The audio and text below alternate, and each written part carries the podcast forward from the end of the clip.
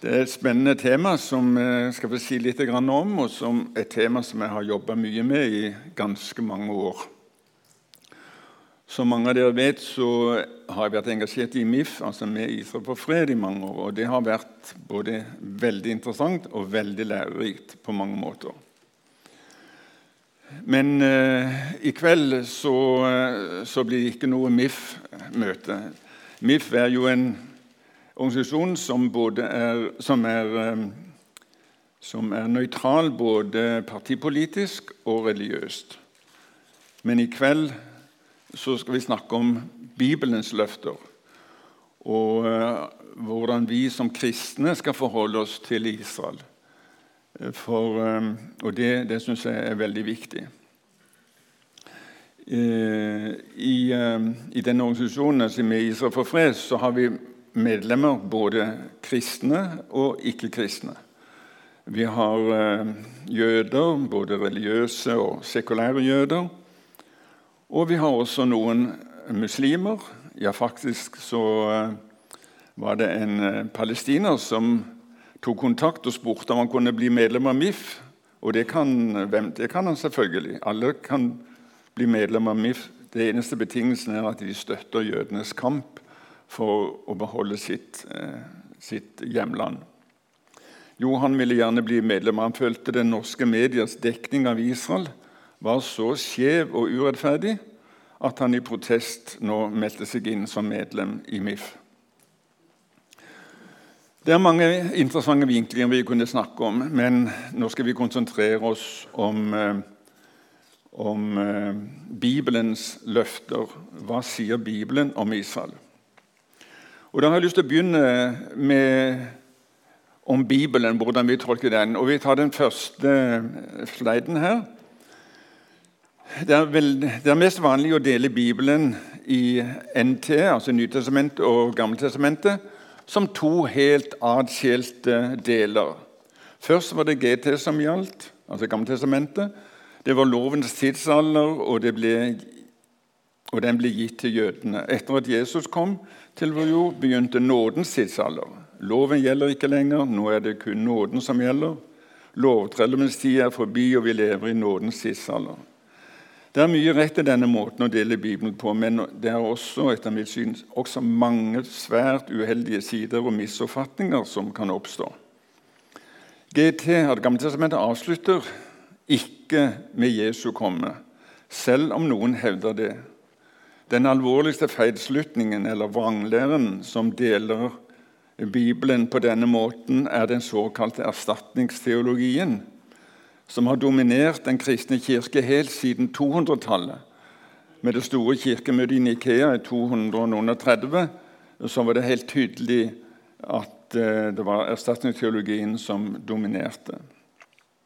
Og Det har ført til enorme lidelser og forfølgelse av jøder helt fram til våre dager. Erstatningsteologien har, mange, har mange ansikter.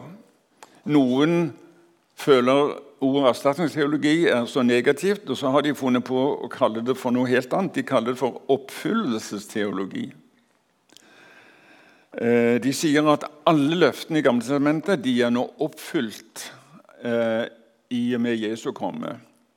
Jesus har oppfylt alle løftene, så nå er det ingen løfter i gamle testamentet som gjelder lenger, for alt er oppfylt i Kristus. Og Det er jo typisk erstatningsteologi. Selv om om eh, disse vil, ikke vil bli kalt for erstatningsteologer. Men det er jo det som er erstatningsteologi. Så det er mange rare forestillinger som kommer opp. Og Det som, eh, som jeg syns er rart, er at hvorfor kan en ikke lese Bibelen slik som det står? Og Heldigvis er det mange endringer på gang. Folk begynner å våkne. Eh, og også kristne og teologer begynner etter hvert å bli interessert i, i uh, jødedommens uh, påvirkning av kristendommen og, jød, og kristendommens jødiske røtter osv. Enda tidligere biskop Ole Kristian Kvarme han mener at uh, løftene til Israel de gjelder, og de har blitt oppfylt, slik som Bibelen har profetert. Men Gamle testamentet, Gamle de snakker ikke bare om tiden til Kristi komme. Det er også ting i Gamle testamentet som taler om en ny tid, en ny jord. F.eks. i, uh, i Jesajas kapittel 2 så skriver han det fra vers 4.: Han skal dømme mellom folkeslag og skifte rett for mange folk. De skal smi sverden om til plogskjær og spydene til, spydene til vingårdskniver. Folk skal ikke løfte sverd mot folk, ikke lenger læres opp til krig. Hva kan profeten sikte til her? Noe annet enn det store fredsriket som vi alle lengter etter. Når Nyttestamentet taler om en ny himmel og en ny jord, hvor rettferdighet bor, så må det være nettopp disse ordene fra profetene som er fundamentet, som er grunnlaget for Jesu undervisning om den nye tid. Så her er det ikke noen motsetning. Det er uttrykt på forskjellige måter i Gamletestamentet og i Nyttestamentet, men alt går imot en retning av en ny tid da det ikke skal føres krig mot folk lenger. Det er fred som hersker. Og det er faktisk noen jøder som mener at Jesus kan ikke være Messias, for det er ikke fred i verden, det er fremdeles krig. Og eh, for når Messias kommer, så skal det ikke være krig lenger. Så, eh, så eh, det er noe av det samme, men en ser på det på forskjellige måter. Jeg foretrekker å dele bilen på en annen måte. Da får vi bilde nummer to her. Og, og slik som jeg deler Bibelen i to, så er den første delen det er første Mosebok, kapittel 1-11. Altså de første elleve kapitlene i første Mosebok. Det er den første delen av Bibelen. Og den eh, delen, De kapitlene den forteller om skapelsen, om syndefallet og syndfloden osv. Og, og generelt så kalles denne delen av Bibelen for urhistorien. Det er en helt egen avdeling, altså en helt egen avdeling i Bibelen. De kaller for urhistorien. Og Den andre delen den begynner altså da i Første Mosebok kapittel 12. Første Mose kapittel 12, Der begynner altså den andre delen av, eh, av Bibelen etter mitt syn.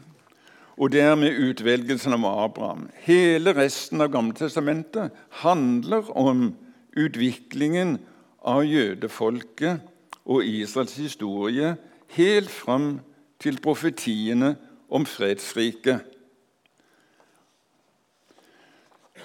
Og så, 586 år etter Jerusalems fall og bortførelsen til Babylon, så blir Jesus født, og vi får da Nytestamentet. Og Nytestamentet løper da på en måte parallelt med Gammeltestamentet fram mot det endelige fredsriket som skal komme. Og Vi tar en kort skisse. Abraham og Sara de fikk Isak, løftesønnen, på overnaturlig måte. Han ble far til Jakob, som senere fikk navnet Israel. Jakobs tolv sønner ble stamfedre til Israels tolv stammer, som senere ble til et stort folk. De havnet i Egypt pga. hungersnød, hvor Josef, en av brødrene altså Josef, Du husker historien om Josef? Han tok imot dem. Så var de der en lang periode. Og etter, når de da vandra ut av Egypt, og så fikk de 40 år i ørkenen. Og Moses leder de gjennom ørkenen, hvor de fikk lovtavlene, de ti bud, og mange andre forordninger av Gud. De kom tilbake til det lovede land og bosatte seg der. Så får de dommere de får, som ledere, og de senere får en konge, Saul, og så David, som var gudfryktig og en god konge. Davids sønn Salomo var også en stor konge, og han bygde det første tempelet. Men sønnene til Salomo de kunne ikke enes om hvem som skulle overta, og så ble riket delt i to. Nordriket eller Tistammeriket, som fikk navnet Israel, og Sørriket, som fikk navnet Judea. Og Noen av kongene innimellom var gode, men de fleste var, eh, var forholdsvis dårlige konger, ugudelige konger som ikke tok Guds bud alvorlig. Og Gud reiste opp profeter som advarte om at det ville gå galt med landet, og fiender ville innvandere landet om de ikke tok Guds ord og forskrifter alvorlig. Og slik gikk det. De fortsatte med sine syndige liv og dårlige konger. Først gikk Nordriket Israel til grunne, invadert av asyrerne i år 722 før Kristus. De kom fra det som i dag er Syria. Det var der asyrerne bodde. Sørriket Judea fikk fortsette i eh, vel 100 år til. Men så, i år 586 før Kristus, ble Judea også invadert, og Jerusalem falt. Og det var babylonerne, babylonske riket, som eh, invaderte og tok da Judea. Og mange av innbyggerne, altså de med innflytelse og de dyktige, de ble da bortført til eh, Babylon. Og med denne hendelsen, altså 586, 586 år før Kristus, så går altså Davids kongedømme definitivt over, og Israel opphørte som selvstendig nasjon. Hvor det er blitt av de ti stammene som utgjorde Nordriket, altså Israel, det vet vi egentlig ikke. De forsvinner liksom bare. Men i den senere tid har man funnet folkegrupper både i India og Etiopia som mener om seg selv at de er etterkommere av de ti stammene som ble bortført av asyrerne fra Nordriket, altså Israel. Og Israel har i dag tatt imot både eh, grupper fra India, spesielle stammer i India, som, som har blitt godkjent som eh, etterkommere av de eh, ti stammene som ble bortvist. Og, fått, og de, Israel har også tatt imot ganske mange eh, fra Etiopia eh, som mener at de er etterkommere av Israel. Og Det er tradisjonene deres og, og israelske eh, makt, styresmakter og rabbinere de har funnet ut at ja, det er riktig. De må være etterkommere av eh, tidligere jøder, da fra 700 år før Kristus. Og eh, I disse dager har det vært mye snakk om Taliban. Taliban, Hvem er Taliban? Hva slags folk er det? Jo, det er folk som eh, tilhører eh, pashtun-stammene i Afghanistan.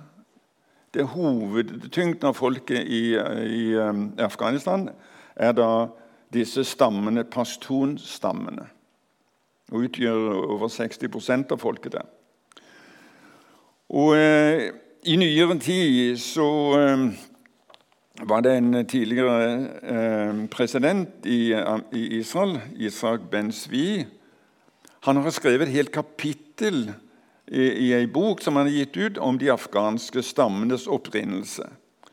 Og eh, Ben Svi han skriver at det er åpenbare og tungtveiende beviser for at afghanske stammer kan være etterkommere av israelittene, og at det fordrer en seriøs tilnærming til videre forskning. Pastunene praktiserer omskjæring på den åttende dagen, avstår fra å blande kjøttprodukter og melkeprodukter når de spiser. De tenner lys på sabbaten.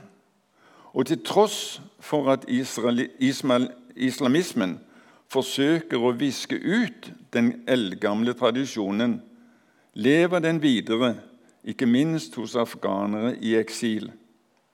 I pashtun-tradisjonen skal en manns slektninger sørge for å føre arven til en død mann videre ved å gifte seg med enken hans, altså også i tråd med den gamle bibelske jødiske tradisjonen osv. Så, så, så eh, hva som kommer til å skje hvis dette viser seg, og folket, disse muslimene, da Taliban-folkene finner ut og blir overbevist om at de egentlig er opprinnelig er jøder, det vet vi ikke. Vi, vi har jo noen få eksempler på at eh, islamister aktive islamister som har drevet med terror. Og så har de fått eh, opplysninger som overbeviste de om at de egentlig er, eh, er, jøder som ble tvangskonvertert. Og det har ført til at de har snudd helt om og er i dag ortodokse jøder, ivrige ortodokse jøder. Så eh, det er mye som kan skje. Eh, så, så sånn, sånn, er det. Når det gjelder Sørrike Judea, så ble det profetert at de skulle få komme tilbake igjen etter 70 år. Til forskjell fra Nordriket, som forsvant, så var det, som, så var ingen profeti om at de skulle komme tilbake. noe, Det var bare at det skulle bli invadert, og det skjedde. Men når det gjelder Sørriket, så, så profeterte profetene at de skulle få komme tilbake igjen etter 70 år. Og, eh, og det skjedde. De fikk komme tilbake.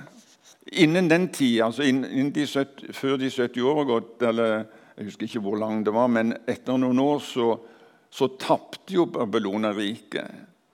Perserne overtok. De eh, overtok eh, etter babylonerne. De, det babylonske riket gikk til grunne, og Perserriket oppsto. Og Perserne hadde en annen politikk, slik at uh, jødene de, som ønska det, skulle få lov å reise tilbake igjen til hjemlandet sitt. De skulle få bygge opp igjen Jerusalems murer. Og De fikk også med seg disse eh, karene fra tempelet som babylonerne hadde røva med seg eh, i, når de eh, invaderte. Og de karene skulle de få med seg tilbake igjen og de, eh, til å bygge opp igjen tempelet. Og Det kan vi lese i Gamle testamentet hos profeten Nehemja. Det er ikke noe sånn veldig stor profetbok, men veldig interessant. Og Der kan jeg lese der om hvordan disse eh, hvordan Serksis, eh, herskeren i, eh, i, Persia, hvordan han ga de lov, jødene lov til å vende tilbake og ga de eh, papirer på at det var eh, tillatt Det var herskeren av Perserriket som, som ga de tillatelse til det, osv.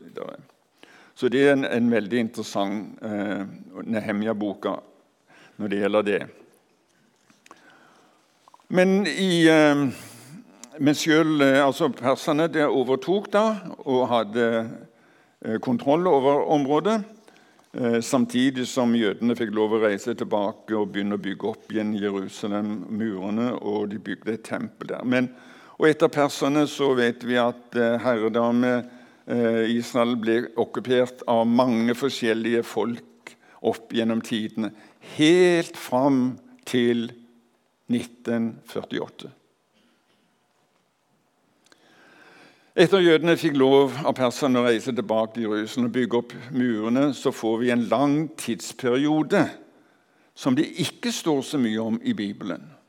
Det er en lang periode her hvor, hvor, hvor, det ikke står så mye om i Bibelen. Derfor har det vært veldig interessant å lese Dødehavsrullene og Mesenerne, for de beskriver litt, så en får litt innblikk i hva som skjedde i Israel i den perioden.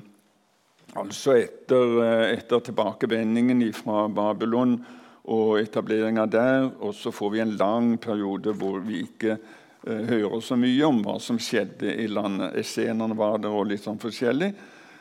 Og eh, Den perioden den går da helt fram til Jesu komme. Og, eh, og, og slik ble det. Eh, vi vet det var noen etterkommere av de som ble bortført til Babylon. De var der, det var jo, nå snakker vi om 70 år etter bortførelsen. Så det var etterkommere. Det var noen av etterkommerne av de som ble bortført, som reiste tilbake til Jerusalem. Men en stor del av jødene de hadde nå slått rot, slått, slått rot i Babylon. altså Nå var det Persia. da. Så, eh, så, de ville bare være der. De hadde gifta seg der og, ja, og, og, levde der og følte at de hadde det greit der. Og var ikke interessert i å reise tilbake igjen og bygge opp igjen Jerusalem og alt dette her. Nei, de hadde det greit der de var. Og Så de ble igjen. Og, og i MIF så har vi i fjor, tror jeg, var det for tid, ikke så lenge siden, så ga vi ut ei bok som heter 'Fordrivelsen'. Fordrivelsen. 3000 års jødisk sivilisasjon i arabiske land ble borte over natten. Denne boken omhandler jødene som ble igjen i Perserriket og i denne regionen gjennom tidene, helt fram til Israels gjenopprettelse i 1948. Jødene hadde da bodd der siden bortførelsen til Babylon i år 586. Så kanskje ikke fullt 3000 år, men i hvert fall 2536. Ja, sånn cirka. Og det er faktisk flere jøder som måtte flykte eller ble drevet bort fra disse områdene, som de hadde bodd i nesten 3000 år. De ble drevet ut av araberne når Israel ble gjenoppretta. Og det var langt flere jøder som måtte flykte fra disse områdene, og som ble fratatt alt de eide, enn det var arabere som, som flykta fra Israel da Israel ble opprettet i 1948, og krigen som kom da. Men vi hører bare om palestinske flyktninger. Vi hører ikke om de jødiske flyktningene, som var mange flere, og som etterlot seg mange ganger den verdien av, av, av, tingene som de forlot i arabiske land, enn det araberne forlot da de forlot eh, Israel-området i 48. Så de, de, hører vi ikke noe om, fordi de flykter til Israel, eh, en stor del av dem, og eh, har blitt en del av befolkningen der. Og så hopper vi fram til da Jesus kom for ca. 2000 år siden. Da var det Romerriket som okkuperte jødenes land. Og det var også romerne som iverksatte den andre store fordrivelsen i år 132-136. Da ble jødene igjen drevet ut av Jerusalem og områdene rundt. Det andre tempelet ble knust, og mange jøder ble drept. Ja, det var forbudt med dødsstraff for en jøde å komme så nær at han kunne se Jerusalem. Det var etter dette den romerske herskeren Hadrian forandret navnet på Jerusalem til Aulina Capitolin, Eolia Capitolina. Og landområdet rundt det kalte han for Palestina. Palestina med P. Det er den latinske versjonen. Og det underlige i dag er at de som kaller seg araberne som kaller seg palestinere, de kan ikke si navnet sitt engang. De kan ikke si Palestina. For de har ikke P-en i språket sitt. Så, så, men Det er bare en sidesprang. Men ok. I hvert fall så er det da den latinske versjonen med Palestina med P. Palestina. Og det var Hadrian som satte det navnet på området. Men jødene som da ble drevet ut av Jerusalem, de slo seg ned i Svat eh, eller i Tiberias og i, i områdene rundt. Men det var altså dødsstraff å komme så nær at de kunne se Jerusalem. Så, eh, så Hadrian han gjorde et grundig arbeid med å drive jødene ut. Men etter hvert som det roer seg ned, så vendte jødene tilbake igjen til Jerusalem. Og de har kloret seg fast i Jerusalem i alle disse 2500-600 årene. Der har de vært det bare i korte perioder hvor det ikke har vært jøder i Jerusalem i, denne perioden. Og, eh, og så fortsetter okkupasjonen helt fram til eh, den siste okkupanten, det var det osmanske riket, det osmanske kalifatet. Og de overtok kontrollen over landet i, eh, i 1517. Så, eh, så, eh, så de, de, var altså de siste okkupantene helt fram til, 18, til 1917, altså til den verdens, første verdenskrig. Så de hadde okkupert området i 400 år. Og denne eh, ja, Da var også da var Perserriket gått til grunne. Og, og, og Ja. Og jødene var nå herrer i sitt gamle hjemland. Ikke bare Jerusalem og det gamle sørriket Judea, men også store deler av Nordriket. Og Så går vi til bilde nummer tre. La oss nå begynne, gå til begynnelsen av det jeg kaller Bibelens andre del. Til utvelgelsen av Abraham i 1. Mosebok 12. La oss lese hva som står i 1. Mosebok 12, fra vers 1. Herren sa til Abraham, eller Abraham som han heter, Dra bort fra landet ditt og fra slekten din og fra farshuset ditt til det landet som jeg skal vise deg. Jeg vil gjøre deg til et stort folk. Jeg vil velsigne deg og gjøre navnet ditt stort. Du skal bli til velsignelse. Jeg vil velsigne dem som velsigner deg, men den som forbanner deg, skal jeg forbanne. I deg skal alle slekter på jorden velsignes. Og så hopper vi ned til vers 7. Herren viser seg for Abraham og sa:" 'Jeg vil gi dette landet til din ett.' Og der bygde Abraham et alter for Herren, som, seg, som hadde vist seg for ham. Det er tre løfter, kan vi si, som Herren gir Abraham her. Nummer én han skal bli til et stort folk. Nummer to landløftet. Og tre du skal bli til velsignelse. Det er de tre hovedløftene som eh, Gud gir Abraham der i første Mosebok, kapittel 12. Etter dette første møtet med Abraham så dro Abraham og Sara, kona hans, til Egypt, for det var hungersnød i Kanan. Så får vi et mellomspill. Eh, Abraham og Sara de, de havner i eh, Egypt fordi det var hungersnød i Kanan. Men etter en tid ikke så veldig lenge, etter en tid så kom de tilbake til Kanan, og der gjentok Herren løftene som han hadde gitt. Og Vi eh, leser om det i kapittel 15.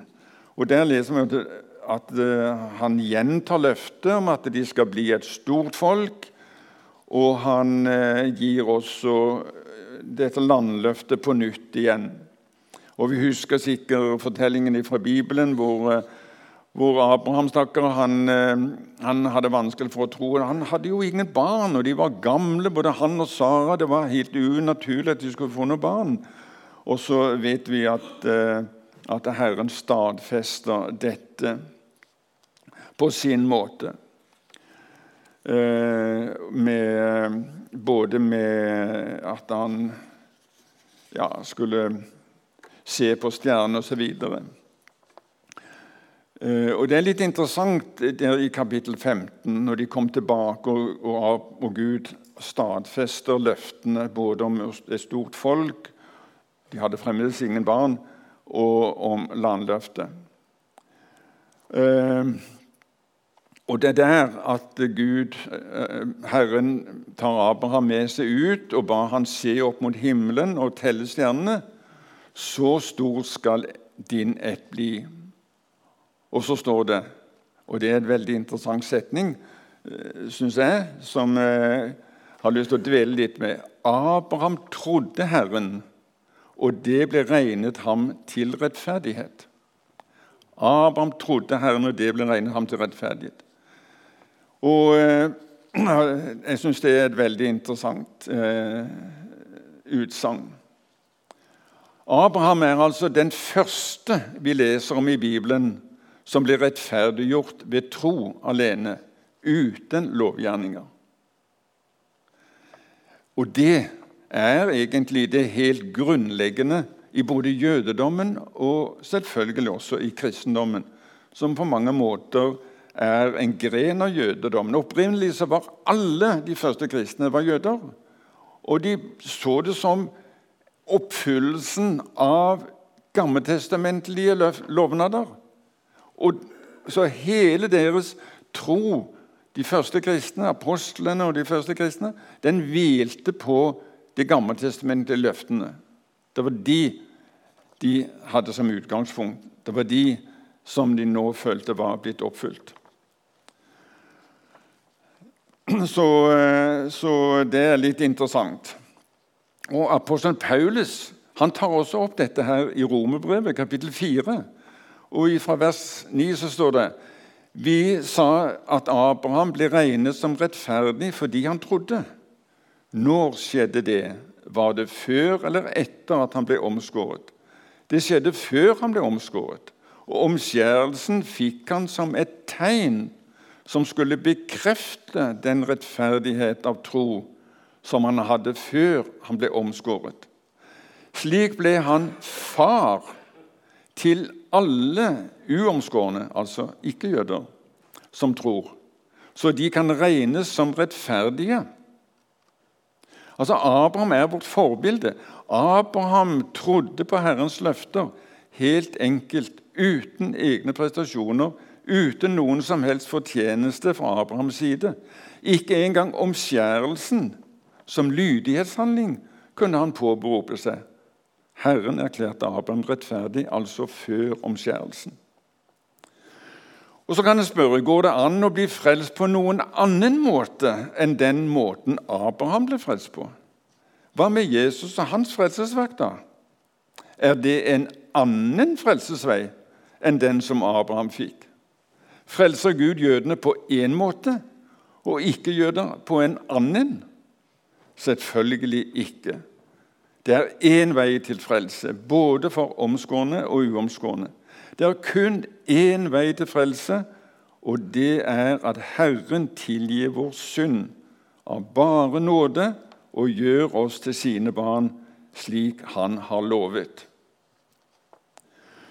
Nå kan vi ta en parallell med kong David. Han falt i synd med Batseba. Han forsøkte å skjule sin misgjerning ved å sørge for at Batsebas mann ble drept i krigen.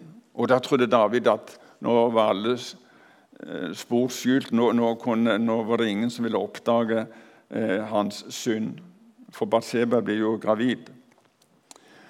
Han forsøkte å skjule sin misgjerning ved å sørge for dette, og så eh, trodde han at nå var alt i orden. Men Gud slapp ikke David. Og han sendte profeten Natan for å minne David om sin synd. Og så kan vi lese i Salme 51 til korlederen den samme David, da profeten Natan kom til ham etter at han hadde vært hos Batseba. Altså etter han hadde gjort denne syndige gjerningen.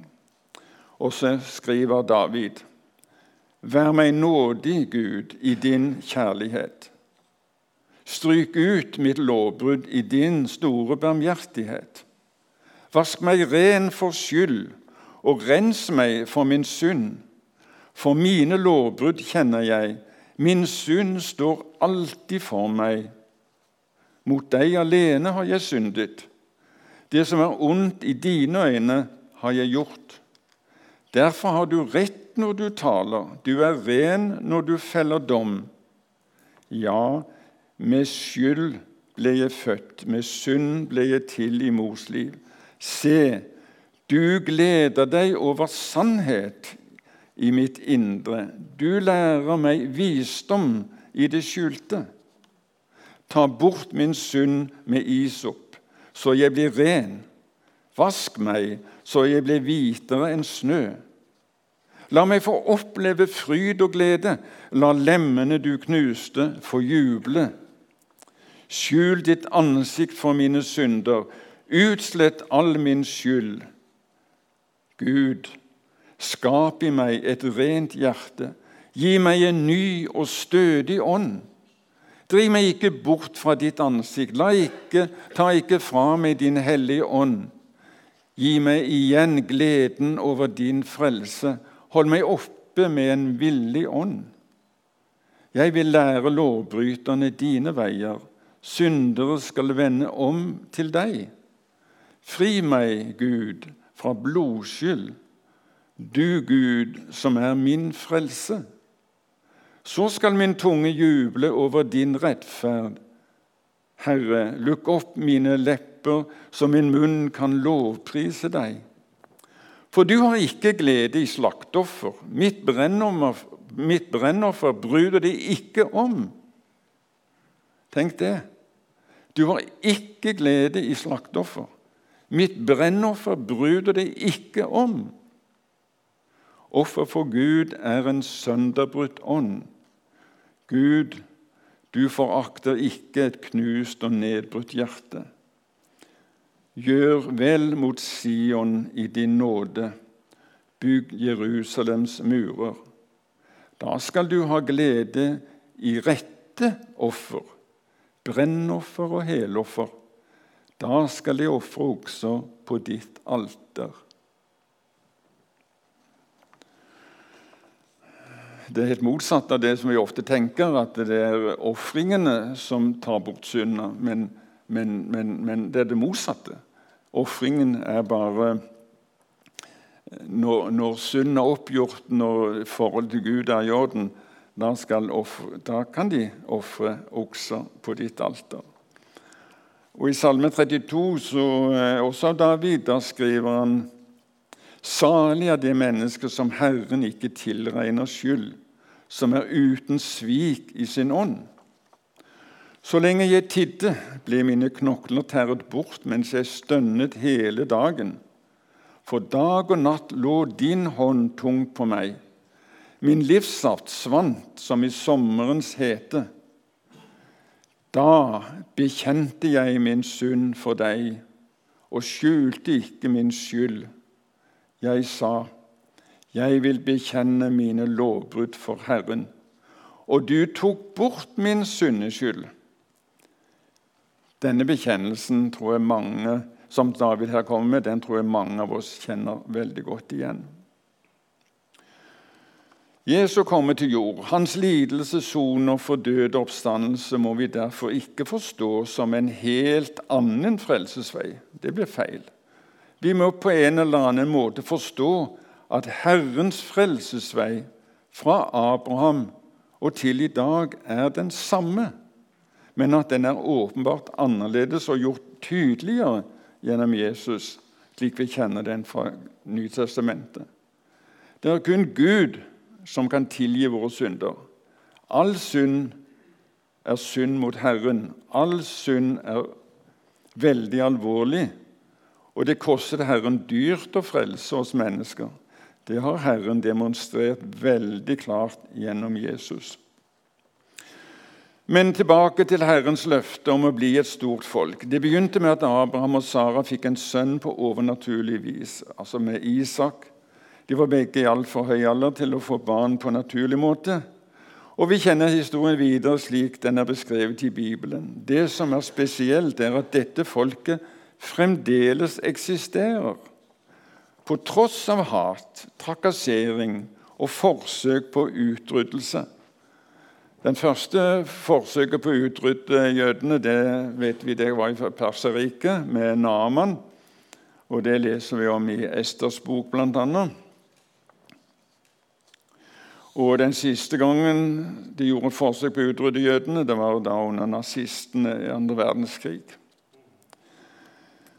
Altså, Jødene ble spredd utover hele jorden, forfulgt og drevet fra sted til sted i 2000 år. Men de er fremdeles et folk, et sterkt folk. Et folk som overgår alle andre folkegrupper i nyvinninger og fremskritt på svært mange av livets forhold.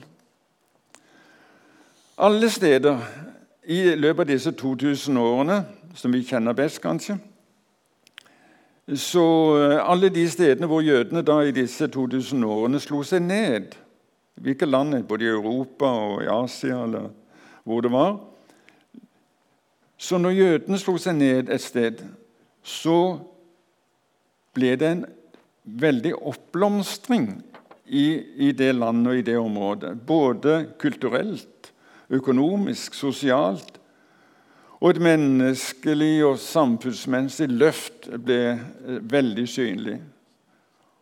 Det har alltid gått slik Herren har sagt. Du skal bli til velsignelse. Og slik ble det. Det er det mange eksempler på. Og Så kan man spørre er dette tilfeldig, eller er det en annen forklaring. Å si det er tilfeldig er jo ingen forklaring. Det er bare en tilfeldighet. Jeg kan ikke forstå at mennesker som leser sin bibel med et oppriktig og ærlig sinn, ikke skjønner at Herren må stå bak. Det er Herren som viser sin trofasthet mot sine løfter til det folket han selv har frembrakt. Det er en sammenheng. Gud taler og gir sine løfter, og han beviser at han står ved sine løfter. At jødene er blitt bevart til i dag, etter 2536 år, uten å være herre i sitt eget nasjonale hjemland, Israel. Og på tross av forfølgelser, trakassering, pogromer og lidelser i de siste 2000 årene spesielt. Det er så spesielt at det er ikke mulig å forstå uten troen på at Herren har beskyttet dem og tatt vare på dem. Og det har han gjort på tross av deres synd og ulydighet. På tross av deres synd og lydighet så har ikke Herren forkastet dem, men hegnet om dem og beskyttet dem. Tenk for en trofasthet Herren har vist mot sitt folk. Er ikke det også en trøst til oss? Det er det i sannhet. Herren gir oss ikke opp så lett. Hans kjærlighet, hans omsorg, den varer ved, selv om vi ikke alltid oppfører oss og lever slik som vi skulle. Vi vet at landet jødene begynte å vende tilbake til for å, bygge, seg en ny fremtid i fedrenes land på siste halvdel av 1800-tallet, var et forfallent og nesten folketomt område. Selv om det har bodd jøder i Jerusalem og noen andre byer i nesten alle disse 2500 årene etter babylonernes invasjon og bortførelse av Babylon, så var landet på et bunnivå etter 400 års okkupasjon av ottomanerne, altså tyrkerne. De hadde da okkupert landet siden 1517, eh, 1500-tallet. Og eh, og når jødene begynte å vende tilbake på 1800-tallet og, og, og, fram til eh, første verdenskrig i 1917, så hadde de altså okkupert landet i 400 år. Og landet var totalt nedslitt og var da bare Få mennesker bodde der. Eh, og det har vi veldig, veldig mange gode eksempler på. Vi har folk som har eh, beskrevet det, hvordan landet var da. Og eh, eh, det var vi, vi, kommer da fram til 1882, da, da en, en, gruppe russiske jøder, unge jøder slo seg ned i det som i dag er en storby, men som begynte som en bosetting, Rishon Litzion, den 31. juli 1882. Troen på løftene som flere av profetene i Gammeltestamentet har skrevet om, har alltid vært levende hos jødene. Det står veldig tydelig i Gammeltestamentet både at de kom til å miste landet pga. ulydighet mot Herren og et liv i synd, men det står også helt tydelig at de skulle få landet igjen og at de skulle vende tilbake til det gamle hjemland. Vi ser, eh, nå, leser nå litt i eh, Jeremia 23, og så får vi opp et nytt bilde. Eh, der det står Men så sant Herren lever, Han som førte Israels hus ett. Derfor, se, dager skal komme, sier Herren, da de ikke lenger skal si så sant Herren lever, Han som førte israelittene opp fra Egypt. Men så sant Herren lever, Han som førte Israels hus og et hjem fra landet i nord og fra alle landene de hadde drevet bort til, så de kan få bo i, på egen jord. Altså, når, når løftene om, for, om, om eh, dom og utdrivelse gikk bokstavelig oppfyllelse, Hvorfor skulle ikke også da disse løftene gå i oppfyllelse? Og det gjorde de. Vi kan også lese i Jeremias 30. Det ordet kom til Jeremia fra Herren. Så sier Herren Israels Gud, skriv opp i en bokrull alle de ordene du har talt til deg. jeg har talt til deg. For se, Dager skal komme, sier Herren, da jeg vender skjebnen for mitt folk Israel og Juda, sier Herren, og fører dem tilbake til det landet jeg ga fedrene deres, så de kan ta det i eie. Altså Her i Jeremias 23 som vi ser, så sammenligner han eh, tilbakevendingen som vi har opplevd i vår tid. Den begynte da noe før de fleste av oss er født, på 1800, midten av 1800-tallet. Men det som har skjedd da, det sier profeten, det profeterte Jeremia da eh, en 500 år før Kristus. Profeterte han at det som da skjedde, og det som vi har på en måte har opplevd, det er et større under enn utdrivelsen fra Egypt, står det her i Jeremias. Så det er veldig interessant. Hva folket tenkte da profeten Jeremia profeterte disse ordene, er ikke godt å vite. Nordriket var falt, men Juda eksisterte fremdeles. Tror ikke mange samtidig forsto så mye av det Jeremia profeterte om å vende tilbake fra landet i nord og alle de landene de var drevet bort til. De var ikke drevet bort. De bodde i Judea, og tempelet sto på tempelhøyden. Tempelet var jo tegnet på Guds beskyttelse, mente de. Dette var profetier som ikke ga mening for samtidens mennesker, og de var rasende på, på, på profeten Jeremia. Veldig rasende. De drev han ut, de ville ikke ha han. Men profeten Jeremia hadde profetert at Babylon skulle innta Jerusalem og hele Judea. At mange skulle bli ført til Babylon som fanger, men etter 70 år skulle de få vende tilbake. Og ettersom historien skrev frem, så erfarte jødene at domsprofetien de gikk i oppfyllelse. Bokstavelig. Jerusalem ble inntatt. Alle mektige ble bortført til Babylon. Men etter 70 år fikk de vende tilbake. Og når domsprofetiene hadde blitt oppfylt så nøyaktig, hvorfor skulle ikke også da løftesprofetiene også bli oppfylt? Selvfølgelig var det mulig. Troende jøder som trodde på Guds ord, de ble mer og mer overbevist om at løftene om å få vende tilbake ville en gang bli oppfylt. Og dette har vært levende hos jødene i alle disse årene. Håp om en gang å få vende tilbake har hele tiden levd i det jødiske folk med varierende styrke. Særlig under eh, vanskelige tider så kom disse tankene. Ved avslutningen av påskehøyden ble det alltid sagt helt til slutt, uansett hvor de bodde henne i verden Nå er vi her, men neste år er vi i Jerusalem. Det er klart at slike tradisjoner var med å holde tanken om tilbakevendingen levende.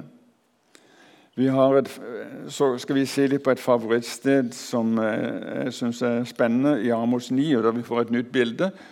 Og, og Der står det i kapittel 9 fra vers 11.: Den dagen reiser jeg opp igjen Davids falne hytte.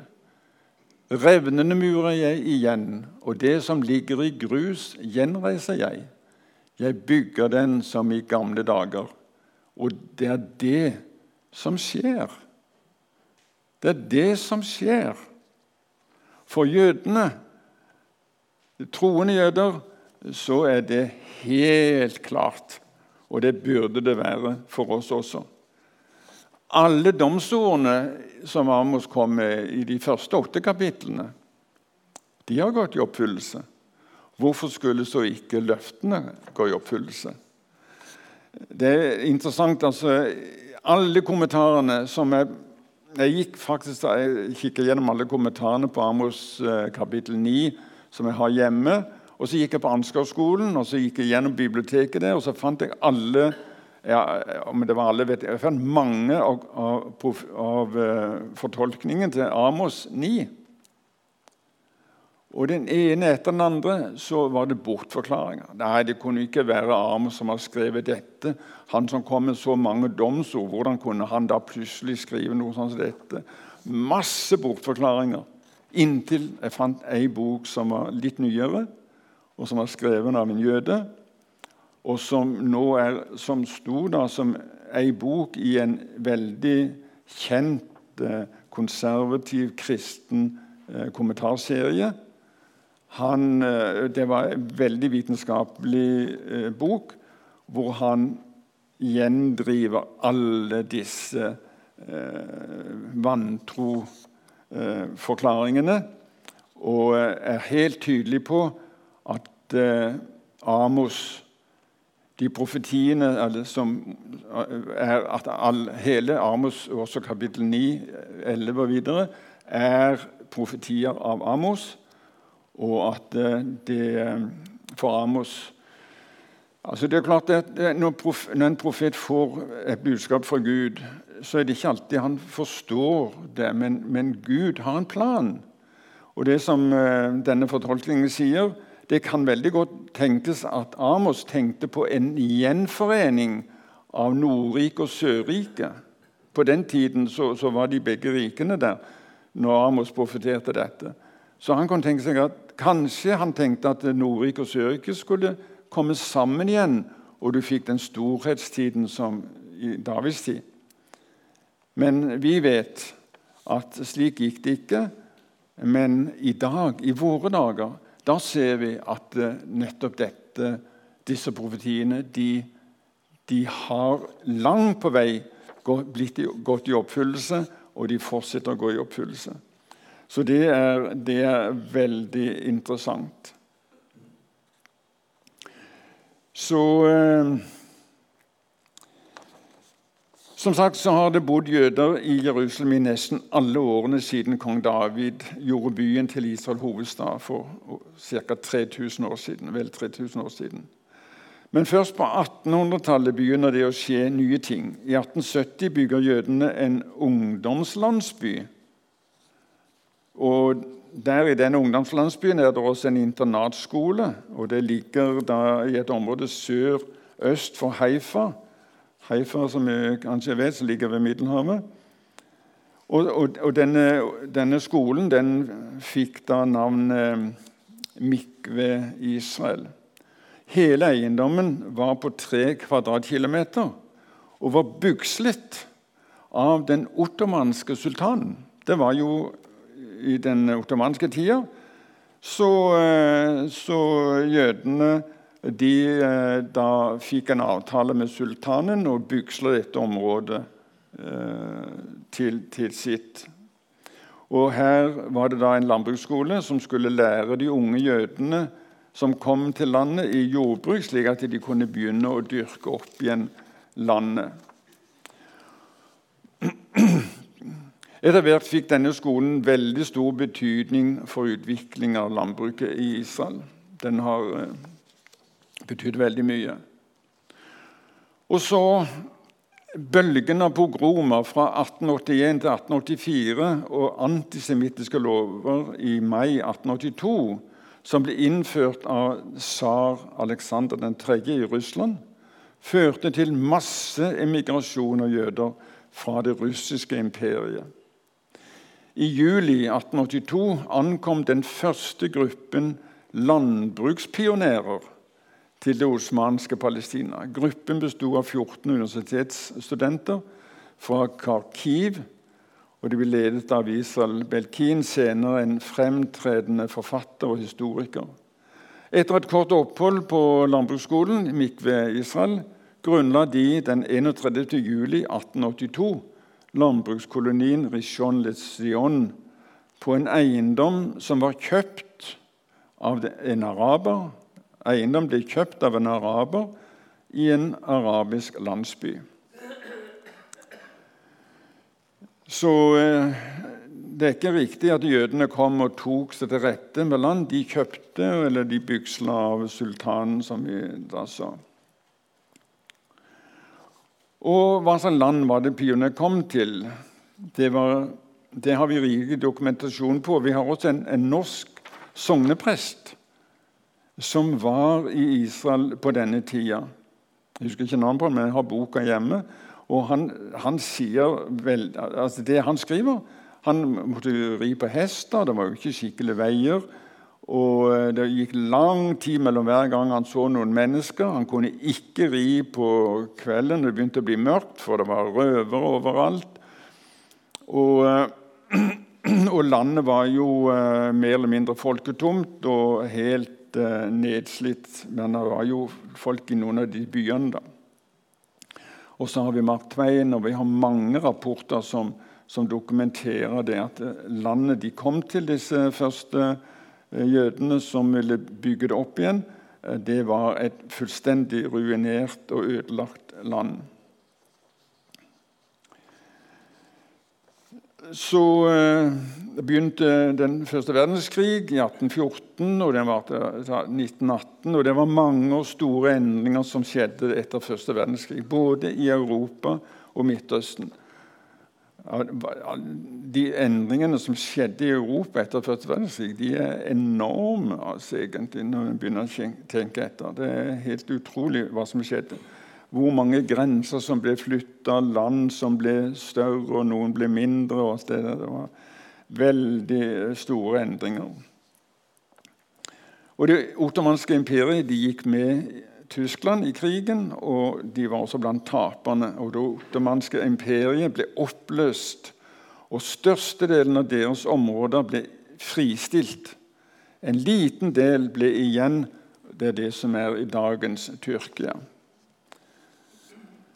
Og disse forhandlingene som fulgte da etter første verdenskrig, da hele dette store området som, som ble fratatt eller fraskilt fra det ottomanske riket, som ble oppløst de, det, det, var det jo krigsherrene England og Italia og Frankrike og disse som, som hadde ansvar for. Og hva skulle en så gjøre med disse?